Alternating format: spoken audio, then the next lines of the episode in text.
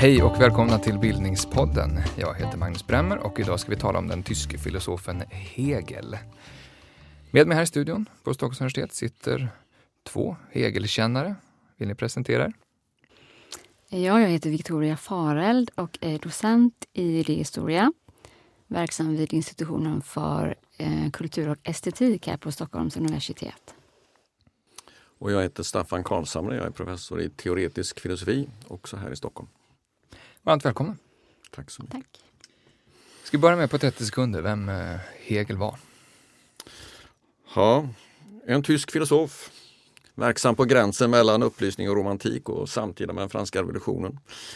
Eh, alltså han står ju precis vid porten till den moderna eran och eh, med enorma ambitioner på att begripa allting, historien, samhället, oss själva i någon sorts systematisk helhet. Victoria, vad skulle du säga är det mest banbrytande med Georg Wilhelm Hegel som filosof? Eh, det finns olika uppfattningar, men om du frågar mig så skulle jag eh, svara som Marx gjorde redan eh, när han skrev sina eh, filosofisk-ekonomiska manuskript på 1840-talet så sa Marx just det att eh, en av de största bedrifterna med Hegels filosofi det är att den fångar människans historiska självskapande natur. Att människan är resultatet av sitt eget arbete, att hon är inbegripen i en ständigt pågående historisk eh, utvecklingsprocess. Vad var det banbrytande med det? Jag menar att man såg eh, människan som inte någonting eh, givet från början, som en utgångspunkt att människan är Eh, den hon är. Hennes medvetande är en förmåga som alltid finns där från början. Eh, utan att eh, med Hegel så blir dessa förmågor entydigt historiska. Eh, inbegripna i en pågående utvecklingsprocess som egentligen aldrig tar slut. Att Hegel lyfter fram själva det bildningsförloppet som utgör människans eh, självskapelse. Kan man säga. Den där pågående kunskapsprocessen, det, det är något som genomströmmar stora delar av Hegels filosofi. Ja, det måste man säga. Staffan, på, på vilka områden utövade han sitt tänkande? Ja, Heg, han, alla är väl ett bra svar. eh, han hade ju så enormt eh, systematiska ambitioner, alltså att verkligen täcka av allting så att eh, det finns nästan inget område av filosofin. Alltså från eh, grundläggande kunskapsteori, eh, utflykter i någon sorts eh, psykologiskt spekulerande historia, filosofins historia, politisk filosofi, etik, allting. Mm. Så att, eh, och det har ju också olika personer som är intresserade för Hegel har ju också plockat upp väldigt olika delar av det här. Stora. Ja, är han inte överhuvudtaget en väldigt upplockad filosof? Så I, är, i, mm. i, i, liksom i senare tid så är det många filosofer från, liksom, just från Marx som du nämnde fram till eh, filosofer som Judith Butler och så. Mm. Vad är det som gör honom så upplockbar? Jag tror som, som också Staffan var inne på, Hegel är en väldigt omstridd filosof som inte lämnar någon likgiltig, skulle man kunna säga. Det var en bra säljande formulering. Ja, men jag tror det för hans, hans, alltså hans tänkande har ju också blivit oerhört kritiserat och avfärdat för att vara helt obegripligt. I, i hans egen tid? Um, ja, ja uh, Schopenhauer var ju inte nådig i sin kritik av Hegel. Det var en samtida filosof. Ja, just det. Mm. Arthur Schopenhauer um, som eh, beskrev Hegels filosofi som filosofin för absolut nonsens istället för filosofin för absolut vetande. Eh, och så. Sen, sen finns det anekdoter som, som eh, beskriver Hegels och Schopenhauers relation. Jag vet inte hur hög sanningshalten är där, men att eh, de var ju verksamma vid samma eh, universitet i Berlin och undervisade då i filosofi och Schopenhauer hade sina föreläsningar samtidigt som Hegel. Vilket betyder att det kom några få studenter till Schopenhauers föreläsningar och de allra flesta flockades runt stjärnan Hegel. Då. Så det var lite avundsjuka inblandade? Så det kanske var lite, ja precis, det vet man ju inte riktigt var, var den kritiken eh, kom ifrån. Mm. Men obegripligt men också, också inspirerande uppenbarligen då? Alltså, de där sakerna är inte helt orelaterade till varandra. Alltså, om man tittar i filosofins historia ser man att svåra filosofer har ofta större inflytande än enkla filosofer. Därför att man konsumerar inte deras tänkande så fort helt enkelt. Det finns, alltid, det finns något suggestivt man kan gå tillbaka. Plus det att man, Hegel är verkligen i om man ska rangordna de svåra filosoferna så är liksom den absoluta tätgruppen, där ligger Hegel och ett få, fåtal andra. Då. Mm. Så vissa av hans verk är verkligen svåra att läsa. Vad är det som Men, är så svårt? Ja, det är dels rent språkligt men också tankarna och det, man får hela tiden den här känslan här är en person som verkligen har tänkt, han har ett otroligt systematiskt sätt att använda en terminologi, men vilket är det? Mm. och då får man ju också det här att dels är man tvungen för att alls få ut någonting att jobba igenom det ganska personligt så man kommer ut med en, med en tydlig bild. Man får kanske ibland de här upplyftande ögonblicken när man känner wow, nu förstår jag. Eh, vilket ju förstärker ens eh, positiva självbild men också ens positiva bild av, av Hegel. Men sen också att det går att eh, dra ut olika trådar, göra lite olika saker med det. Så det där att det krävs nystande i hans tänkande har också gjort att man har lockats till det? Tror ni? Det tror jag absolut. Så är det ju med många, eh, alltså man kan se de Wittgenstein, försokratikerna och så, de som liksom får den här auran omkring sig att folk håller på med dem väldigt mycket. De har ofta den egenskapen. Jag håller verkligen med dig om att det är både att tankarna är svårfångade och komplexa, men också att språket är så svårt. Att det, det är en det är en kompakt, eh, som svårgenomtränglig syntax som, som, som man möter när man läser Hegel. Språkligt? Och det är språkligt, ja. Och det har ju att göra med Hegels sätt att arbeta med språket. För han utvecklar ju nästan, kan man säga, ett eget språk i det tyska språket. Mm. Hegelskan är ju svårbegriplig också för den tysktalande. Så att säga. Men är det ehm. särs särskilda ord också, begrepp, som, som uh, han använder på ett särskilt sätt? Eller är det, är det mer av en just syntaktiskt språket som helhet? Så. Ja, det är ju både och. Han använder ju många begrepp naturligtvis som, som inte är, har varit kanske så lätta att nagla fast eh, vad de betyder. Men också hans sätt att jobba med språket. Han använder ju tyska språket som, som byggstenar för att bygga upp en hel tankevärld. Eh, så hans sätt att, är man liksom inte, är man mindre avfärdande än vad många har varit och bara tycker att det här är obegripligt utan försöker jobba med hans sätt att skriva så förstår man snart att, att hans sätt att arbeta med språket hänger intimt samman med hans sätt att arbeta filosofiskt. Mm. Um, och tyska språket lämpar ju sig ganska mycket för att göra den här typen av, av man arbetar som byggklossar och bara bygger på um, med ord efter varandra. Så. Var han svårbegriplig i sin egen tid också? Absolut den här Schopenhauer som eh, vi tog, det finns ett yttrande av honom som Schopenhauer som låter ungefär på det här viset att av eh, Kant lärde sig de tyska filosoferna att man kan uttrycka sig svårbegripligt och det kan ändå vara djupt. Och då drog de slutsatsen att om jag bara uttrycker mig obegripligt så blir, så blir det maximalt djupt. Så att, eh, och han fick också kritik, alltså hans vänner och så vidare, alla hade ju problem. Så att, Med att förstå honom? Ja, mm. så att han hade det ryktet även i samtiden. Innan, man, möjligen ska man säga, han var ju, samtidigt var han ju väldigt, väldigt eh, upplyft som föreläsare. Eh, under en period, han var ju ett decennium var han rektor på ett gymnasium men sen även i Berlin när han, eh, hans föreläsningar drog ju som Victoria sa enorma åhörarskaror och så. Och läser man lite av de här eh, verken som han föreläste över så finns det då i moderna utgåvor så finns det de här tilläggen och saker som förklaringarna som han gjorde för studenterna, text och mm. förklaring. Så, så här. Och läser man de bitarna, de är ofta väldigt mycket mer mm. tillgängliga. Man, han förklarar med exempel och mer utförligt hur han har tänkt. och så där. Jag tror för att bara säga någonting också om varför han är så användbar. Så tror jag det har att göra med det som du var inne på Staffan, att hans, man kan nästan likna hans tänkande vid ett, ett, ett klädesplagg som man kan vrida, vända ut och in. Och det är lika användbart på andra sidan på något sätt. Det finns en elasticitet, det finns en töjbarhet i hans tänkande, framförallt i, eh, i Andens fenomenologi då, som vi kommer komma in på. Eh, det är hans mest kända verk. Hans stora arbete. Eh, som gör att, att generationer, åter, nya generationer kan komma till den här texten och använda sig av den, aktualisera på lite olika sätt, tankar på väldigt mm. olika sätt. Eh, och använda eh, hans tänkande för att liksom, dra det åt olika håll som Hegel själv, så att säga, eller dra det i riktningar som Hegel själv inte mm. tog. Ja, men, men för att tänka vidare med hjälp av Hegel. Innan vi går in på lite på hans liv och så, vilken är hans enskilt viktigaste idé, Skulle ni våga säga något, säga något om det? Alltså, jag skulle säga det som Victoria redan har sagt. Alltså det är det här med det historiska synsättet. Att se det här som man tidigare uppfattat som fasta egenskaper hos oss. Vår frihet, vårt förnuft som historiska produkter. Någonting som vi utvecklar genom historien.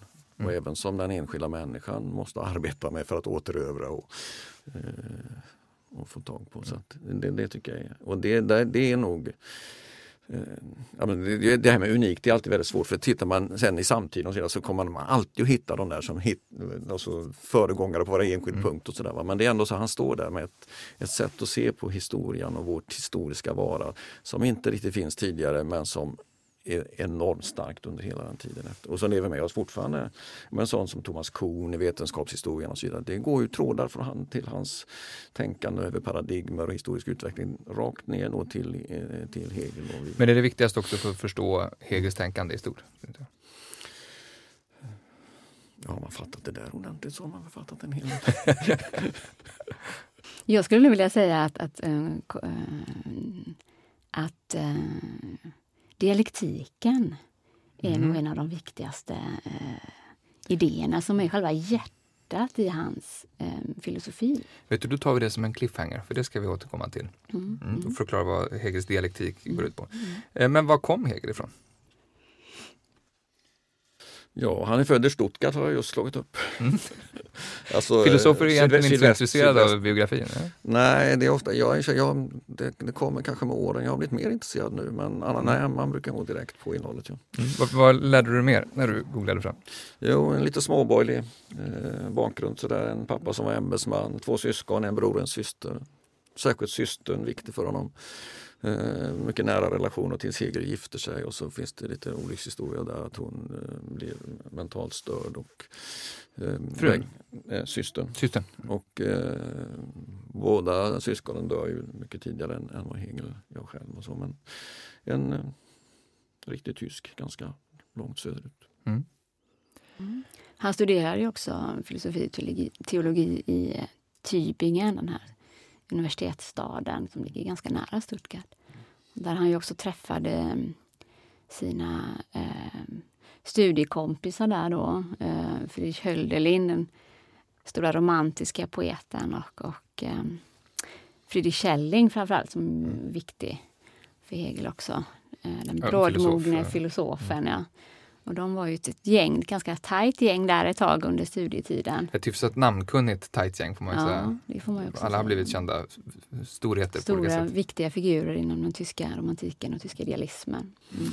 Men, och, och både Schelling och Hölderlin de var ju väldigt upplyfta ungdomsgenier. De slog igenom väldigt tidigt eh, och fick med en gång, med, och Hegel inte alls.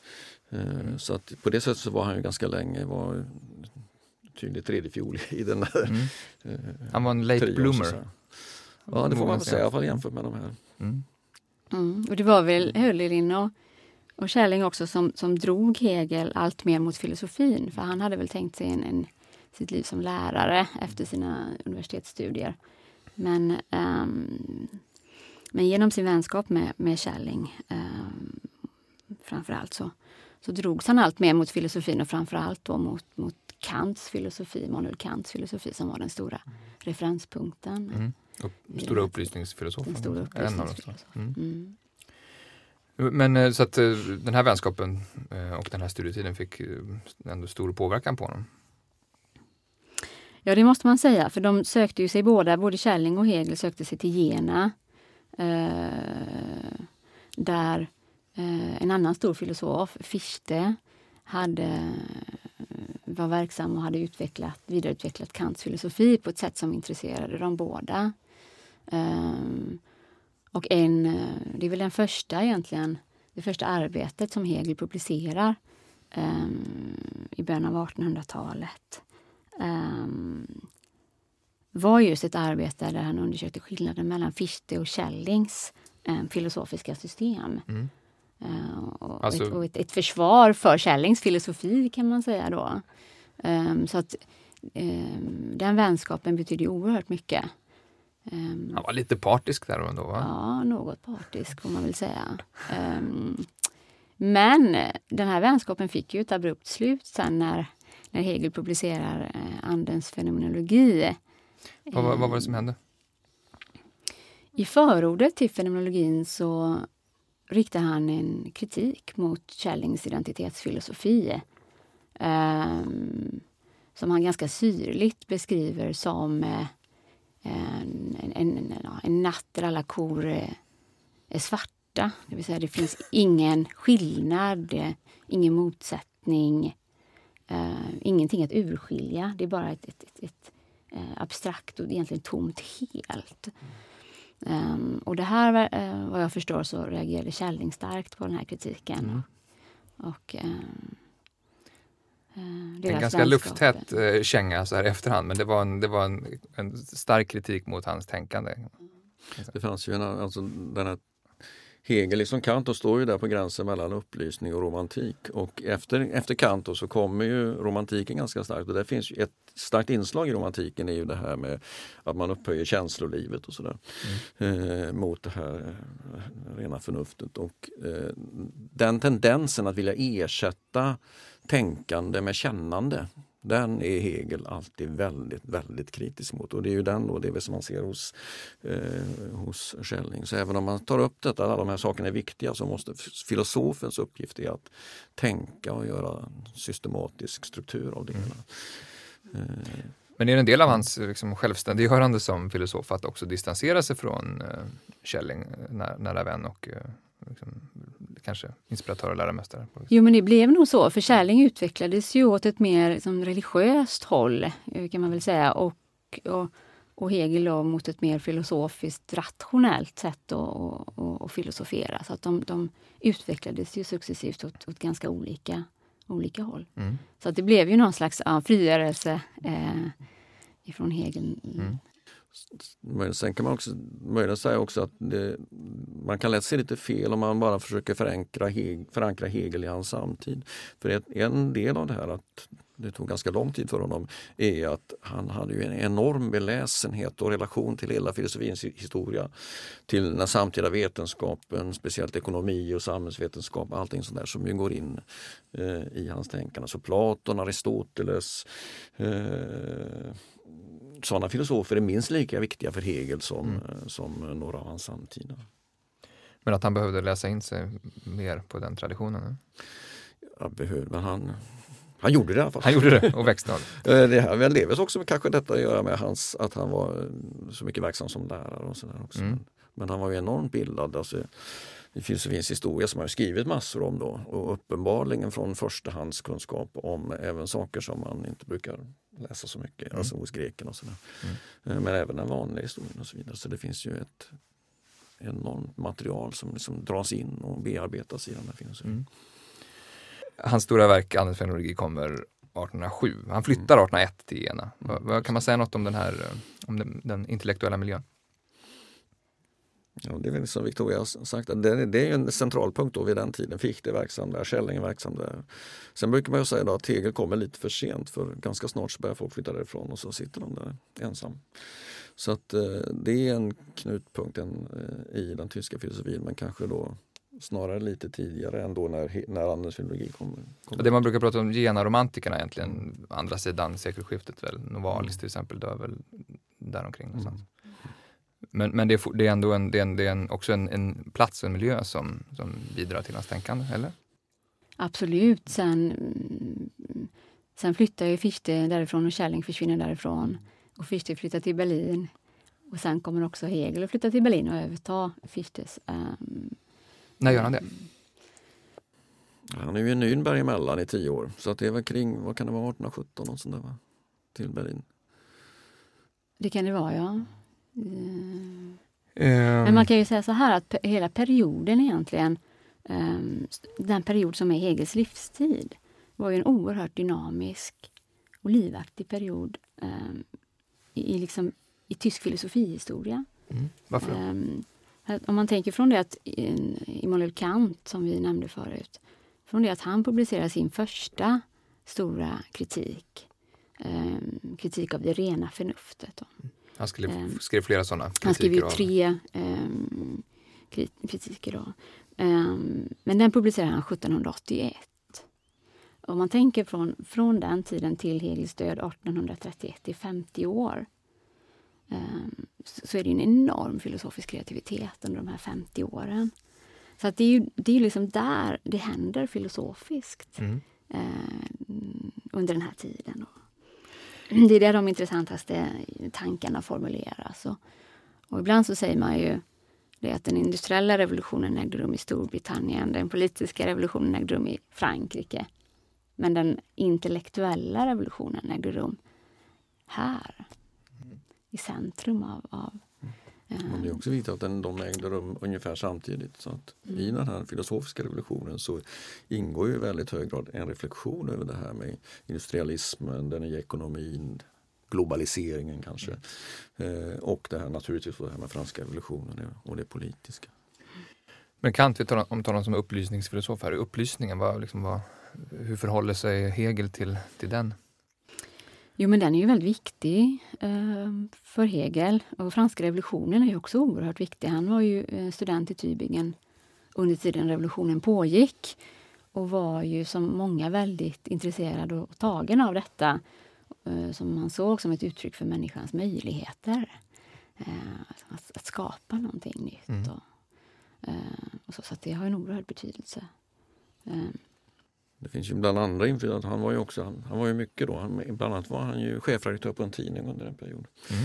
Och det finns ju ett eh, berömt yttrande av Hegel där han säger att att läsa morgontidningen det är den moderna människans morgonbön. Uh, och uh, han, världshändelserna är ju centrala och man kan också se i hans anteckningar och brev så att han följde med väldigt, väldigt, väldigt mycket. Eh, och det har till exempel argumenterats för att det här med herre och slav som vi kommer kan prata om om en stund. Att en, där finns det tankar som är inspirerade av, av det verkliga, eh, av slaveriet och slavupproret på Haiti och, mm. och sådana saker. Så att, eh, han, han tänker i tiden väldigt hög grad. Och är medveten också om den här, att han lever i den här brytningstiden. Att nu är det någonting gammalt som är på väg att försvinna och något nytt som är på väg att bli till. Mm. Ja, han skriver ju faktiskt också i, i fenomenologin att vi lever i en tid eh, där någonting nytt kommer födas. Mm. Vi lever i en tid, vi står liksom vid övergången till en ny tid som håller på att bryta fram. Så att det finns ju eh, en energi där som är närmast revolutionär i, i det som eh, Hegel skriver. Mm. Att, att eh, eh, ja, det är en omtumlande tid. Också när Hegel eh, eh skriver då fenomenologin 1807 så, um, så var det ju en, en, en, um, en tid också då som var um, som satte ett djupt avtryck i hur han som dramatiserar berättelsen, narrativet i Andens fenomenologi. Mm. som, som avslutas med uh, Napoleons intåg i Jena och så. Där verkligen uh, man känner historiens eh, skeenden. Så, mm. så, en, så en, en, en, bok i tiden och en bok eh, i ett histor en historisk linje också då, kanske. Kan man, men, om vi går in på den, Andens fenologi 1807, det stora verket. Vad, vad handlar boken om? Ja, det är ju ingen lätt fråga att svara på vad den boken handlar om egentligen, eller vad det är för typ av bok. Mm. Det är också beroende på vem du frågar. Är det en kunskapsteori eh, som handlar om hur liksom, vi får kunskap? Eh, är det en eh, bildningsroman? Ehm, där liksom genom ett historiskt perspektiv då inom ah, ehm, människans och, och hela samhället och hela kulturen, mänsklighetens kultur eh, där han försöker skissera hur allt människan har skapat har vuxit fram och förändrats och tagit form och så.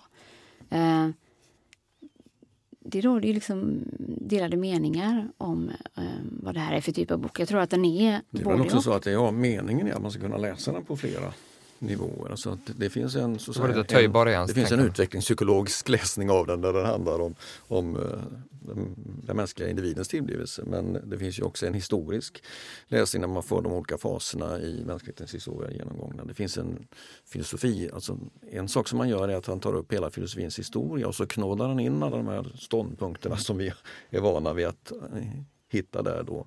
som delar av den här utvecklingen och det här men vi kanske skulle kunna börja med att syresätta själva titeln. Då. Alltså, om vi tar först fenomenologi, vad är fenomenologi för någonting? Det är ju ett ord som används på, av många filosofer på olika sätt. Det har, alltså fenomen har att göra med det som framträder, det som syns, det man kan så att säga, något direkt uppleva. Så att andens fenomenologi handlar om andens framträdande. Eh, sen finns det en filosofisk riktning som kallas för fenomenologi också med Edmund Husserl och Heidegger och så vidare framåt. Den är inte direkt anknuten till, till Hegels andens fenomenologi, är inte direkt anknuten till den traditionen. Det är den inte. Eh, det här verket är från början inte koncipierat som en, som en eh, egen bok så säga, utan det är en inledning till Hegels vetenskapliga streck filosofiska system. Och tanken är att i den här inledningen så ska han ta oss från så att säga, ett naturligt, vanligt sätt att tänka till det ställe där vi kan börja tänka ordentligt filosofiskt. Sen ska systemet komma där han mm. gör om alltihopa men från den här systematiska eh, utgångspunkten som ju sen sker i logiken och i de filosofiska vetenskapernas encyklopedi och så vidare. Sen svällde ju det här verket och det innehåller ju nu kan man väl säga hela systemet fast eh, disponerat på ett annat sätt än, mm. än vad han sen kommer att göra i, i logiken. Men det är väl, där, det är väl delvis därför det heter det med framträdandet. Att han, här följer vi anden så som vi får syn på den om vi tittar i historien. Mm. Om vi tittar på Men vad är anden? Ja, det är ju kanske det viktigaste begreppet i, i boken och, och kanske också det svåraste mm, på ett sätt i hans tänkande. Det är Geist, um, anden. Man kan ju tolka det på olika sätt. Alltså det finns ju ja, faktiskt olika sätt att, att, att, förstå vad han menar. Men, men jag skulle nog vilja säga att, att anden det är själva världshistorien som mödosamt och gradvis eh, förverkligar sig. Och det här sker på olika nivåer i Hegels utvecklingstänkande. Det är både genom enskilda individers livslopp, genom den gemensamma anda, skulle man kunna säga, mm. som genomsyrar ett samhälle um, och förkroppsligas också i dess seder, i dess normer, praktiker, institutioner och så.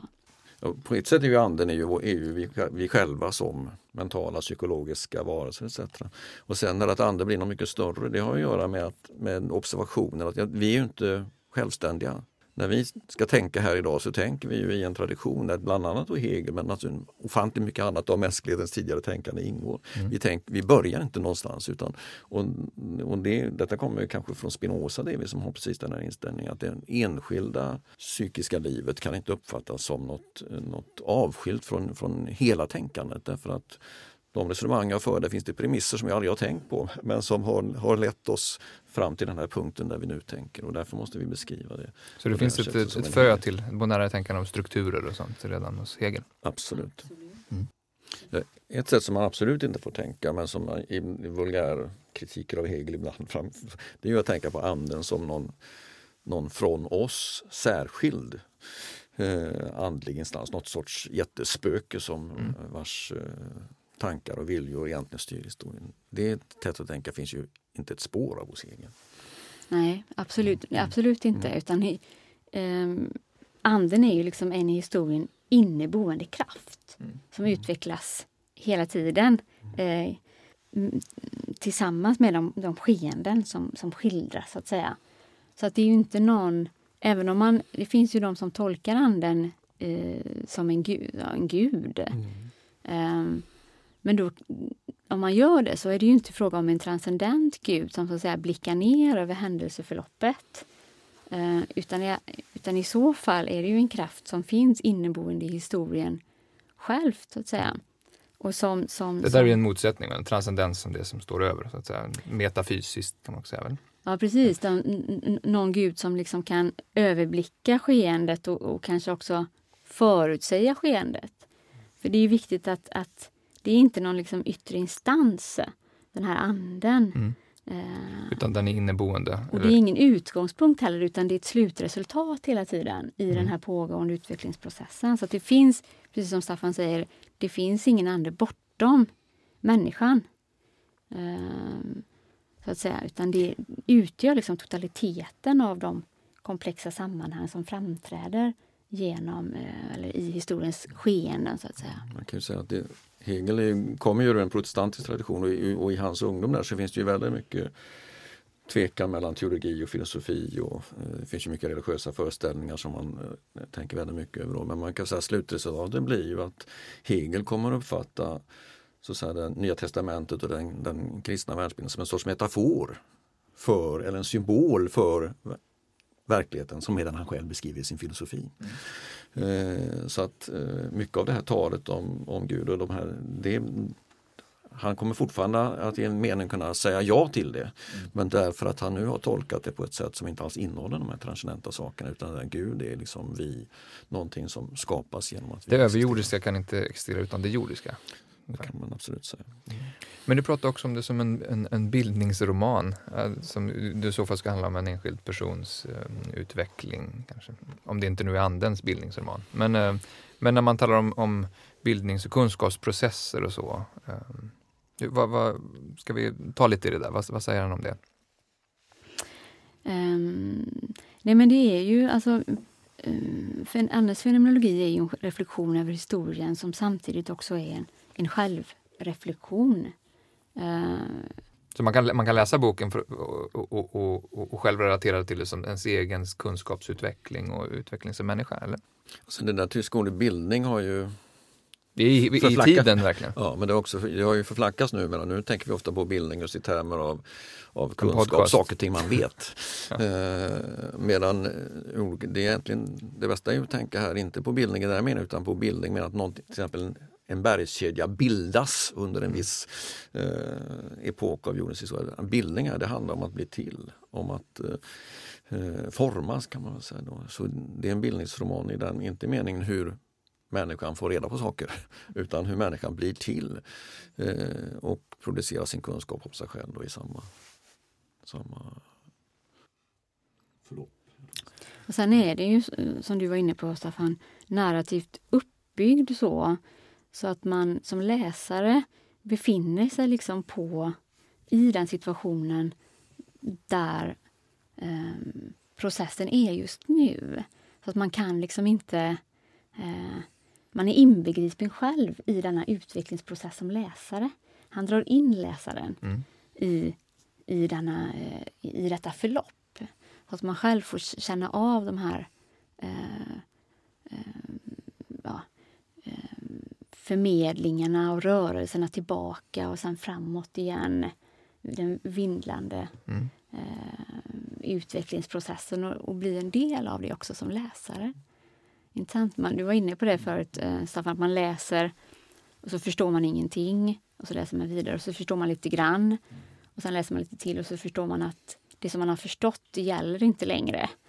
För att det är hela tiden en förändring och, och eh, mm och utveckling. Det är det som var sanning eh, vid ett skede av historien eh, inte längre är det. Det kanske är läge att, att ta i det dialektiska. Det var Hegels dialektiska tänkande som du var inne på tidigare. Mm. Vad, vad, vad, går du på?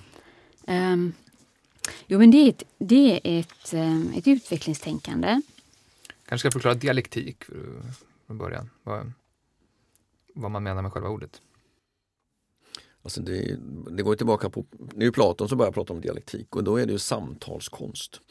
Eh, han eh, tänker på dialekt, alltså den filosofiska metoden i, i, de platoniska dialogerna. Det är ju Sokrates som leder det här filosofiska samtalet. Och för Platon är ju samtalet liksom tänkandets form.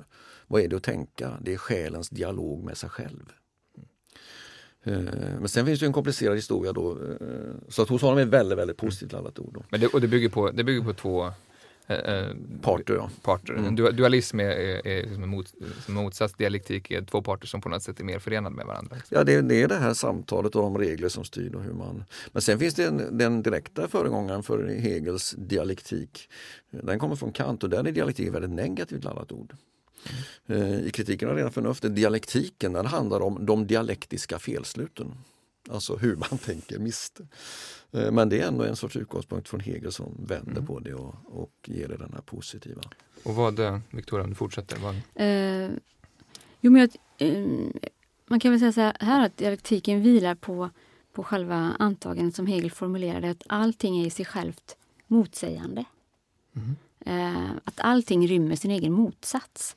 Så det är, det är ett sätt att tänka utveckling där utvecklingen så att säga, drivs framåt hela tiden av eh, av ett oavbrutet ständigt negerande av det som utvecklas. Och det, genom en inre motsättning. Och det är viktigt för att eh, det som negeras, det överskrids samtidigt och bevaras i en mer komplex form. Så att det är ju en... en varje är, det, är det här Hegel pratar om upphävande? Ja, precis. Det finns det här centrala begreppet Aufhebung um, som är just ett, ett, ett, um, ett upphävande men det är både ett, ett upplösande, ett upphävande där någonting höjs till en ny nivå. Men det är också någonting som bevaras. Av ett, av ett första och ett andra så blir det ett tredje som är Ja, inte riktigt på den, den trestegsmodellen är ju något som Hegel kritiserar, att det är inte så han tänker sig dialektiken som en trestegsraket, så mm. tes, antites, syntes. Men det är, ändå hans, det är ändå hans begrepp? Tes, antites, syntes? Mm. Terminologin finns inte hos Hegel. Nej. Han talar inte på det sättet. Det är de som har tolkat Hegel i efteråt. För det är väldigt, det är väldigt eh, klassiskt för Hegel att tala om, att man talar om Hegel, att just, och det dialektiska tänkandet, att vi har en tes, en antites emot sig och tillsammans mm. bildar det då en alltså, syntes som är högre på något sätt. Man kan ju ändå säga, tycker jag, då, att om annans fenomenologi, då, att man, den här, en, någon sorts sån här tre taktsrörelse finns väldigt mycket i den här boken. Alltså, eh, I början har vi liksom medvetandet, självmedvetandet och så får vi förnuftet. Mm. Eh, inne i var och en av de här så, så, ser man hur man börjar med en och går över till en annan. Men där är det ofta, ofta är det så här att varje form i tänkandet börjar med någon sorts subjektivitet. Nej, förlåt. Den börjar med en objektivitet. Att man ser ut, eh, tror sig se objektet som det är. Och sen när man upptäcker felen i det så får man en subjektiv vändning när man plötsligt bara ser subjektet. Och sen så slutar det med någon insikt om att de här två sakerna är intimt förenade och inte kan tänkas vara från. Mm. Så, så på sitt sätt kan man ju ändå i strukturen i den här boken kan man se de här askarna. Ser man helheten så har det den här strukturen och ser man varje del så har den här strukturen. Och ser man, tittar man in i de här delarna så återkommer den här strukturen. Men om man ser det till, konkretiserar lite grann från eh, den kunskapsprocessens då, utveckling eh, och det bygger på det negerade som du sa. Är det, är det en slags trial and error process, ett försök och misslyckande som sen ger en ny erfarenhet eller hur ska man se det där? Jo men så skulle man ju kunna se det ehm, faktiskt. att det är, ehm, För dialektiken, oftast så läser, läser man används fenomenologi som någon slags optimistisk, nästan triumfatorisk berättelse om världsandens självförverkligande som någon slags grand finale på slutet när eh, verklighet och subjekt blir, blir ett och allting eh, så att säga, eh, förenas i någon slags absolut eh, enhet och så. Och bildningen och, och har nått sin högsta gräns. Eh, men man kan ju också läsa fenomenologin inte som denna liksom, optimistiska eh, utvecklingssaga utan man kan ta fasta på de tragiska aspekterna av dialektiken och då är det just detta att det kantas, den här bildningsgången kantas av en rad misslyckanden. Eh, av en rad tillkortakommanden eh, som gör som, som driver utvecklingen framåt. Um, så att visst kan man se det så. Det är lite, är det, trial, det är lite trial and error ja. och det är misstagen som hela tiden leder vidare till nya kunskaper som sedan eh, är misstag som leder vidare. Mm. Så att absolut, i själva bildningsrörelsen framåt så kan man ju se det så. Du nämnde det här som något av det banbrytande. Så vad, vad är, av det mest banbrytande hos Hegel, men vad, vad, är det, vad är det med, med misstagen och felen som är, som är originella Nej, men jag, alltså jag tycker att dialektiken vänder ju, har ju ett sätt att jobba med motsatser. Ett sätt som kan rymma motsatser. Och där man tänker bortom dualismen. Så bortom liksom ett, ett, ett sätt att tänka det ena eller det andra. Eh, så försöker ju ett dialektiskt tänkande fånga eh, den dynamik som uppstår eh, i motsättningen. Och med dialektiken så lyckas, tycker jag, Hegel vända upp och ner på ganska många liksom förgivettagna föreställningar eh, genom att just förbinda motsättningarna. Ett exempel är hans syn på människan som individ. För genom dialektiken, vi har varit inne på det här, så, så ser han individen inte som en utgångspunkt utan som en slutprodukt, kan man säga, ett slutresultat. Slutet på en utvecklingsprocess mm. som ständigt pågår. Men han vänder liksom på så vis upp och ner på det individbegrepp som, som vi känner igen från Hobbes och Locke. Ja. Två um, tidigare filosofer. Två tidigare filosofer som, som, um, som vill ha, har uh, lagt grunden för liksom, synen på den, ja, den liberala synen på individen. Mm. Um, men Hegel vänder helt upp och ner på det genom att låta individen utgöra det sista utvecklingsstadiet. Resultatet snarare än utgångspunkten för samhället och staten. Då. Så att, så att um, med dialektiken så, så, kan, tycker jag, Hegel fånga en komplexitet också i, i synen på relationen mellan frihet och nödvändighet. Um, mellan individen och gemenskapen och sådär. Man kan också säga att, att liksom vägen till kunskap och de här misslyckandena på vägen är liksom väldigt viktiga för att uppnå kunskapen. Mm. Alltså det, jag får lägga ett lite annat perspektiv på det. Och se, alltså, Hegel är ju, och det, hela det här tänkandet det ligger i botten på alla moderna former av relativism. Alltså vi, vi är vana vid att tänka nu på paradigmer till exempel. Eller, Vad menar du då? Eh, alltså sådana här världsbilder inom ramen för vilka vi mm. tänker. Av Kuhn lärde vi oss att tänka på vetenskapshistorien som att det är ett antal sådana som avlöser varandra. Vi har Aristoteles fysik och sen kommer Newton och sen kommer Einstein. Eh, och innan vart och ett av dem så kan man tänka där finns det fasta regler för hur man tänker och allting hänger ihop logiskt och det finns vilka är, vilken är evidensen och vilken är teorin och så vidare. Eh, och det sättet att tänka det kommer från Hegel därför att han, så ser han historien, inte som en, ett kontinuerligt förlopp utan som tankefigurer som liksom mm. avlöser varandra. Men det som är speciellt för honom är att han då tycker att eh, om detta är tänkandet då måste ju vår teori om tänkandet inte bara handla om hur det går till inne i de här systemen utan också hur det utvecklas från det ena till det andra. Och på det sättet är han ju väldigt optimistisk, orelativistisk relativist för han tror verkligen det som Victoria eh, var inne på, nämligen att det går framåt.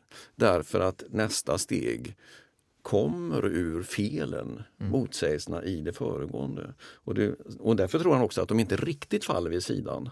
Därför att om vi nu ska begripa varför det är rätt som vi nu tänker så finns det bara ett sätt. Vi måste tänka det här historiska förloppet som leder fram till, mm. till, till vårt tänkande och därför är det inbyggt i i vårt, i vårt nuvarande tänkande. Så att alla det här, de här gestalterna på vägen de är också, säger regel, moment i den färdiga helheten. De finns kvar där. Inte längre som helheten men som, men som eh, väsentliga delar mm. av helheten. Men det är ju därför också, tror jag, som dialektiken har ju beskrivits som en slags metodologisk jackpot. Just för att den, den kammar hem rubbet. Liksom. Den lämnar inte någonting eh, över.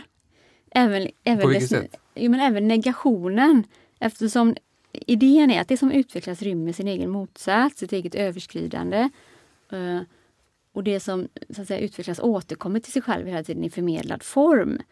Eh, genom att ha övergått till sin motsats som en ny enhet och så vidare. Det här tänkandet gör ju också att även liksom den eh, även negationen, även den mest förödande kritiken då, kan man, skulle man kunna säga, införlivas och om, omvandlas till bara en bekräftelse på systemets giltighet här.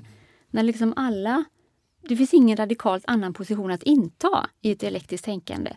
För allting kan liksom omslutas av eh, eh, dialektiken och då blir det någon slags allomfattande maskineri som bara tuggar i sig allt i sin väg. Börjar vi någon förklaring nu till varför han är så användbar? Och, ja, och varför han, varför han är så kritiserad också. Mm. För att men det, just det här dialektiken leder till någon slags total totalitet som inte egentligen kan eh, låta skillnader få vara skillnader eller mm, ja, någon, någon, radikal annanhet som står utanför det här. Utan allting sugs in mm. och görs till versioner av, av, av, av detsamma kan man säga. Och det är den kritiken som har riktats från väldigt många olika håll. Mm. Det är ju så, både alltså Kuhn eller Foucault till exempel, de, man känner igen väldigt mycket men bägge är ju väl, de, vill, ja, de vill inte ha, har inte den här mekanismen som leder från det ena till det andra. Mm. Utan det finns allt, där är det, finns det ett inslag av oförklarlig det bara blev så. Eh, mm. Först tänker vi så, sen tänker vi så. Varför går vi från det ena till det andra? Vi gör det. Mm. Och där, Hegel skulle acceptera inte en sån, en sån, eh, ett sånt sätt att tänka utan Vi måste rationell, på, något, på något rationellt sätt ta oss framåt. Mm. Och därför också ta med oss det vi, vi lämnar efter oss. Men om vi skulle konkretisera det dialektiska ytterligare genom ett exempel. Den här herreslav-dialektiken som du nämnde tidigare Staffan. Vad, ehm, kan du förklara vad den liksom går ut på? Det är också en av de, de teorier från Hegel som, som kanske ofta, oftast nämns. Mm.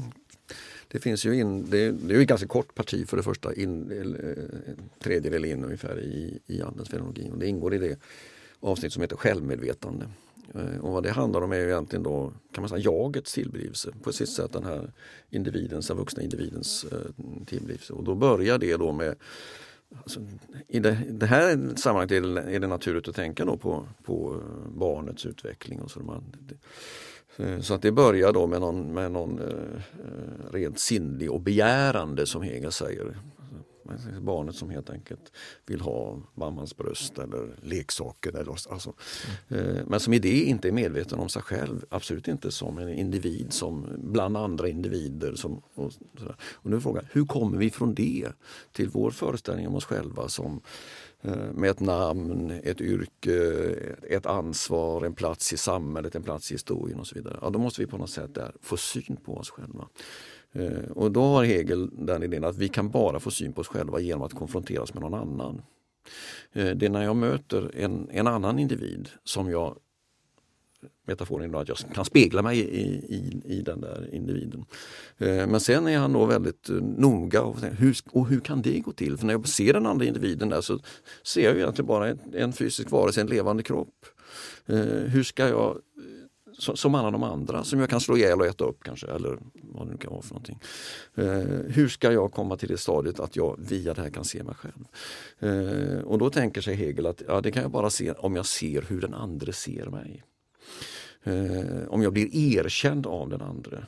Och det där är mm. slutpunkten här, någon väldigt eh, symmetrisk relation där vi, där vi eh, i, i samhället respekterar och erkänner och har relationer mm. till varandra. Men för att det ska Om vi komma... bara stannar där, mm. det är väl också en mm. väldigt uh, bara det är väl någonting som har varit väldigt viktigt med Hegels tänkande som har plockats upp, just det där erkännandet. Det har ju också du forskat eh, om, Victoria, eller hur? Mm. Ja, jag har skrivit eh, lite grann om hur Ehm, de här tankarna hos Hegel har aktualiserats på olika sätt, också i olika tidpunkter. Jag tror att det är, eh, det är ingen slump att ehm, man tog vara på de här tankarna om herren och slaven och kampen på liv och död ehm, efter första världskriget. För då blev Hegel den stora konfliktteoretikern, eh, framförallt i Frankrike med Alexander Kourchev som eh, höll introduktionsföreläsningar om Hegels andens fenomenologi för, för en, en hel generation franska intellektuella som satt och lyssnade på det här. Men då blev, eh, då blev ju Hegel verkligen konfliktteoretikern par excellence som möjliggjorde ett, eh, ett, ett, ett försök att begripliggöra eh, egentligen krigets erfarenheter och våldets, konfliktens närvaro i mellanmänskliga relationer och så vidare. Det var ju det som fokus låg på väldigt mycket. Ehm, Men vad kommer det, erkännandet av den andra då, i hans fall, vad, vad kommer det in i, i, i, kriget någonstans? Ja, men det är ju någonstans omöjligheten. Alltså för i, i den här um, anekdoten om, om herren och slaven. Kanske kan ta, vi tar den nu. Um, vad går anekdoten ut på? Um, jo men det är som Staffan var inne på, det är två, det är, det är själva um, processen, ut, utvecklingsprocessen när medvetandet går från att vara ett medvetande till ett självmedvetande, som Staffan sa. Mm. Um, och det är en väldigt smärtsam process, menar Hegel. Mm. För att um, Det är två medvetanden som möts, skriver Hegel. Um, och det blir en våldsam sammandrabbning. För att den andra utgör en sån har en sån paradoxal status. För att den är både det som hotar min existens och som jag vill förinta. Um, men det är också det som möjliggör, som är förutsättningen för min existens som mig själv. Men det finns en hierarki här också mellan en herre och en slav. Hur, hur, hur Men den, den hierarkin uppstår ju när de här två medvetandena drabbas samman. Um, och den ena blir herre Den ena blir slav. Den som vågar så att säga, uh, sätta sitt liv på spel. Det är en produkt av själva mötet. Uh, I den här, man kan se det som att de slåss om att bli erkända av den andra. Så Men i den striden, den kan sluta på olika sätt. Uh, den kan ju sluta med att den ena vinner. Men då har, vi, då har historien inte tagit ett enda steg. För då står liksom den segraren kvar där bara som samma medvetande som innan. Så den måste ju sluta utan att... Eh, De förgör varandra. Utan. Men hur ska det gå till? Ja, det måste gå till på det sättet att den ena ger upp. Eh, och den andra eh, segrar då. Och då får vi den här relationen mellan herren och slaven. Och sen är det finessen då i, i Hegels beskrivning detta sen att när man sen ska se så beskriver man väldigt noga hur den här relationen ser ut. Och då ser man att hela fröna, alla de viktiga fröna till den senare utvecklingen ligger i slavens situation. Eh, som i det här, bara i det här att ge upp har fått syn på någonting som, som nämligen eh, i det här fallet då, att, eh, att eh, jag är någonting skilt från, här, från den här kroppen. Och någonting som kan försvinna när den här kroppen dör. Och så får vi det här begreppet angst som sen blir ångest och så senare existentialister. Det finns i, i, kärnan finns i, i den här beskrivningen. Mm. Utan eh, slaven ger upp i den, i den situationen. Men då får man ju det då att, eh, eh, och slaven blir, får ju inte det här erkännandet då. Slaven får ju bara förakt från Herren och utnyttjande. Eh, men Herren får inte heller. Därför att herren, herren får bara någonting som ser ut som en... Visserligen blir respekterad i en mening av slaven, men att bli respekterad av någon som man inte respekterar. Det är inte det här som, eh, som eh, det som gör att vi, kan komma vidare. Och det här kan man ju se väldigt, det är väldigt lätt att knyta det till eh, vad handlar de här internationella konflikterna väldigt mycket om med terrorism och sådana saker? Ja, det hand, hand, en del av det är ju detta att, eh, upproret mot att bara bli uppfattad som någon som ska lyda. Som ska göra som någon annan säger. Och istället så måste man, vill man hävda sin, e-, hävda sin egen, mm. Eh, sin, sitt eget värde. Och det enda sättet man har att göra det, har att, tillgängligt i vissa det är det här med våldet. Det är det enda sättet man ser. Men det är ju ehm, just den här liksom, eh, existentiella återvändsgränden som Cochet har beskrivit Herrens situation i. Att Herren hamnar i en existentiell återvändsgränd här för att han är ju beroende av slavens erkännande för att kunna hävda sig som herre. Men som du är inne på, det, det är ju ett erkännande från någon som är ofri. Så det är ju ingenting värt. Så han hamnar i en omöjlig situation. Um, det, det, är lika lite värt som en, en bekännelse från en torterad. Så det, det, blir liksom en, en, en, olöslig situation. Sen finns ju en annan vändning här också, ytterligare en vändning i den här historien som du var inne på, att det är slavens eh, situation som egentligen är den eh, intressanta här. Eh, eftersom Herren lever ett förmedlat vara. Herren bara konsumerar det som slaven skapar. Slaven är den som eh, utför ett arbete som Herren sedan konsumerar. Men det blir en slags alienerad tillvaro eh, eftersom Herren inte kan se sig själv i det han gör. Medan slaven genom arbete kan se sig själv återspeglad i det han har gjort. Så här finns ju grunden till idén om att det kommer ske en invertering här av positionerna. Det är den som går segrande ur striden egentligen är slaven. Det är ju en teori som, har, som just har plockats upp av, av flera sentida tänkare från Karl Marx, Simone de Beauvoir, Frans Fanon. Så vad, vad har de lagt in i den här herreslav-modellen? Ja, Simone de Beauvoir la ju naturligtvis, såg ju naturligtvis den här konflikten eh, utifrån ett feministiskt perspektiv. Eh, det det handlar om, om mannen och kvinnan och hur kvinnan blir det andra könet, mm. objektet för mannen. Eh, och hur hon måste, hur kvinnan måste erövra sig själv som ett subjekt. Hon måste, bli med, hon måste medvetandegöra sig om den här maktordningen som finns. Uh, och själv kämpa sig till en position som subjekt i den här konflikten. Apropå erkännande, krävs det också erkännande från, från den manliga sidan i den här konflikten? Ja, erkännandet måste ju vara ömsesidigt. Eh, annars så funkar det inte som det ska. Frågan är då om det någonsin kommer hamna där. För det, det, där lämnar oss Hegel utan svar. För att Eh, Man kan väl också säga att ja, men den här, som sagt, det är tio sidor. Eh, och sen går det vidare. Och hos Hegel är det inte så riktigt som det blivit hos vissa senare att det här är själva grejen.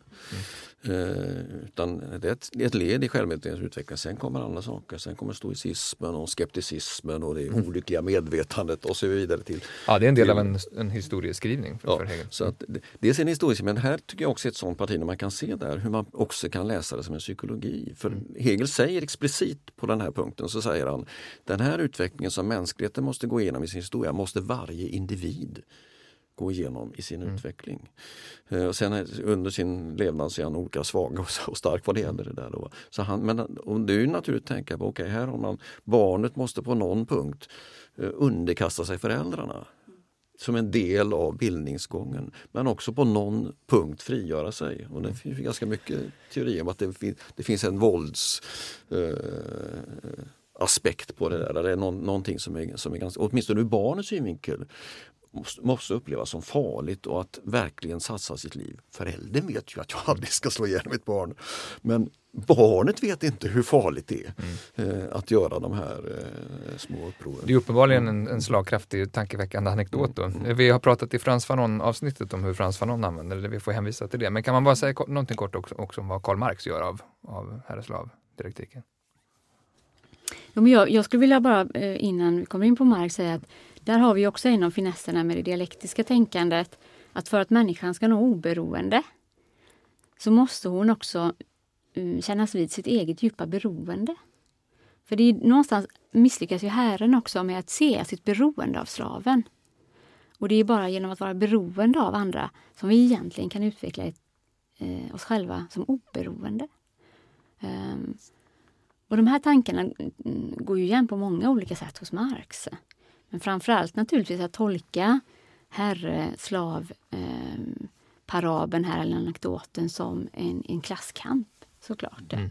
En kamp mellan eh, liksom en arbetarklass och en, bourgeoisie va, som är historiskt bestämd som det kommer bli också i Marx fall. är Det arbetaren som kommer gå segrande ur striden. Vad, vad ser vi tydligast hans påverkan idag? Men Över, nästan överallt får man väl säga. Då. Alltså det är ju som, som Victoria sa att nästan all filosofi efter Hegel, väldigt mycket, den är då antingen en hegeliansk eller också en antihegeliansk. Och så är den det på olika sätt. Då. Eh, Så att det finns ju hela den här traditionen från med franskt tänkande och som sen går in mycket i modern feminism. Och sånt där. Den har ju väldigt starka rötter i Hegel. Ja, Man kan ju säga att hela den moderna filosofin är någon slags uppgörelserelation med Hegel på ett eller annat sätt. Eh, verkligen. Och jag, Eh, man kan ju ta ett exempel, Michel Foucaults berömda installationsföreläsning eh, vid Collège de France 1970.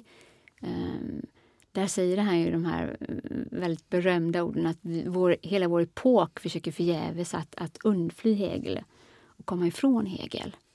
Ehm, men vi kan inte det. Vi kan bara tänka mot Hegel med hjälp av Hegel. Vi är liksom så fast i hans, i den liksom scen som han har riggat för oss. Va? Ehm, Så jag tror, jag, jag- tror att man, man kan mm, se Hegels inflytande också jag ska säga, mm, i de, de mest utpräglade antihegelianska tänkarna. Varmt tack Victoria Foreld och Staffan Karlshamre för att ni vill vara med i Bildningspodden. Tack också för att ni har lyssnat. Eh, gå in på bildningspodden.se och lyssna på tidigare avsnitt. Marx, Foucault och Fanon aktualiseras lite grann i det här avsnittet, men det finns mycket annat också. Ehm, vi är tillbaka om en vecka med ett nytt avsnitt. Tack för idag. Hej! Du har lyssnat på Bildningspodden, en podcast från humanistiska fakulteten vid Stockholms universitet. Producerad av Magnus Bremmer och Claes Ekman. Podden spelas in på Språkstudion och tekniker är Henrik Nordgren.